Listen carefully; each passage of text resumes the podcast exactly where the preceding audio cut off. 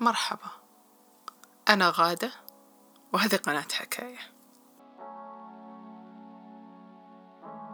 المفروض في هذا الشهر نكمل على الباكجينج لكن حبيت نتكلم شوي عن كيف القرارات تؤثر على أعمالنا. عشان كذا أتمنى منكم تشاركون الحلقة مع من تظنون أنها تهمة ولا تنسون تشتركون في القناة عشان يوصلكم كل جديد.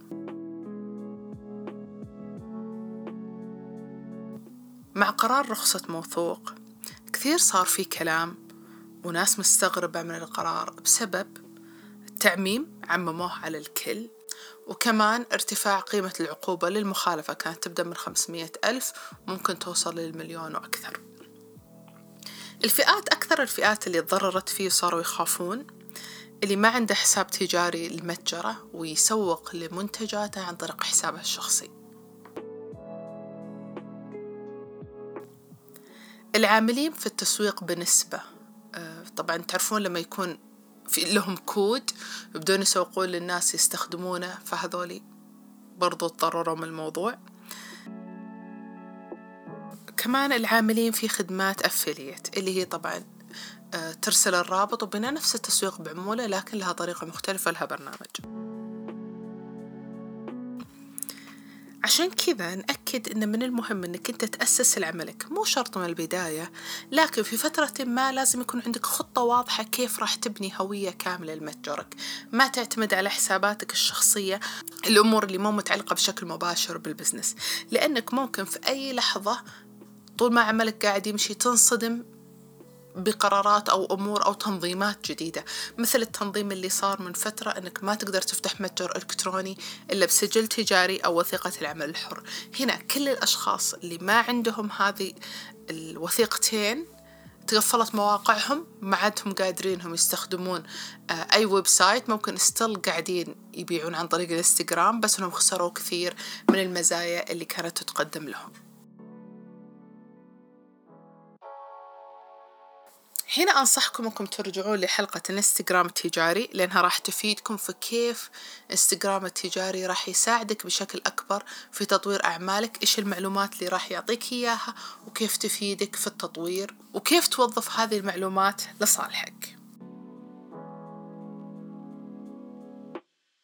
في الحقيقة من كم يوم صدرت صور من نفس هيئة إعلام المرئي والمسموع توضح بالضبط إيش الفئات اللي ما يشملها هذا الشيء. وظهر بعض الأشخاص يشرحون.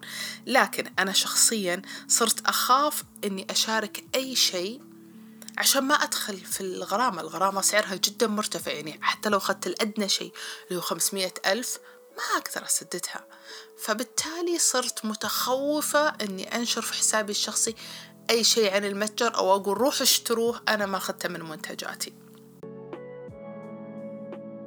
المهم طبعا من خلال هذا القرار أو أي قرارات ثانية نحن نتعلم كيف نتعامل مع هذه القرارات أو حتى كيف نتعامل مع الأشاعات اللي تصدر. أول شيء لازم نبحث عن المصدر الرسمي للخبر حتى الوصول للمصدر الرئيسي. فمثل الخبر حق موثوق لازم أني أنا أبحث عنه إلى ما أوصل للهيئة اللي أصدرت هذا القرار.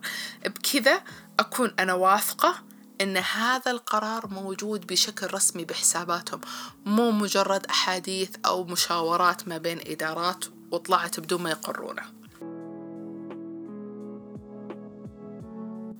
الشيء الثاني أقرأ القرار بتمعن وأحاول أفهم كل عبارة فيه والحالات المذكورة. وفي القرارات بتلقون بعضه فيه أمثلة فيه نماذج. فلازم أفهم أنا كل شيء موجود في هذا القرار. وإذا صعب علي أبحث في صفحة الأسئلة والأجوبة اللي في صفحتهم. أو أقدم السؤال لهم في حساباتهم أو من خلال الاتصال أو المحادثة الفورية إذا كانت متوفرة في الموقع. لاحظوا أن أنا ما قلت لك لا راح أسأل محامي لا راح تسأل أحد مشهور. أبدا رح للجهة الرئيسية الأساسية اللي العلم طلع من عندهم. تعلم من عندهم على أساس ما يكون عندك أي خطأ أو ترتكب أي مشكلة. آخر شيء أعلق أعمالي المتعلقة في القرار حتى أتأكد مية وخمسين بالمية أني في الوضع السليم. لا تأخذ خمسين بالمية. أو مية بالمية. خذ مية وخمسين بالمية أنك أنت واثق أن هذا عملك ما راح يدخل في أي شيء شبهة له علاقة بالقرارات هذه. خصوصا لو كانت مرتبطة يعني بعقوبة مالية أو عقوبة أنك تسجن أو شيء زي كذا. فهذه من الأمور المرة مهمة. طبعا نضيف عليها أن إحنا قلنا الفيديوهات الشروحات. في ناس كثير تطلع فيديوهات تشرح يعني بس من صدر القرار. لين أمس ما أذكر كم عدد الفيديوهات اللي شفتها. لكن متى اطمنت وصدقت لما شفت فيه شيء رسمي صدر من هيئة الإعلام المرئي والمسموع. هنا تقدر شوي تطمن وتقول آه صحيح ممكن إني أنا أخذ هذه الأشياء.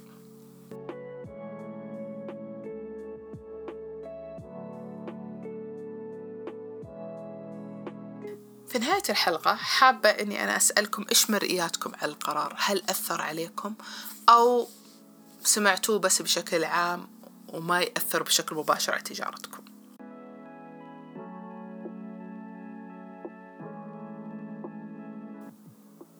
شاكرة لكم. أتمناكم تجارة خالية من المصاعب.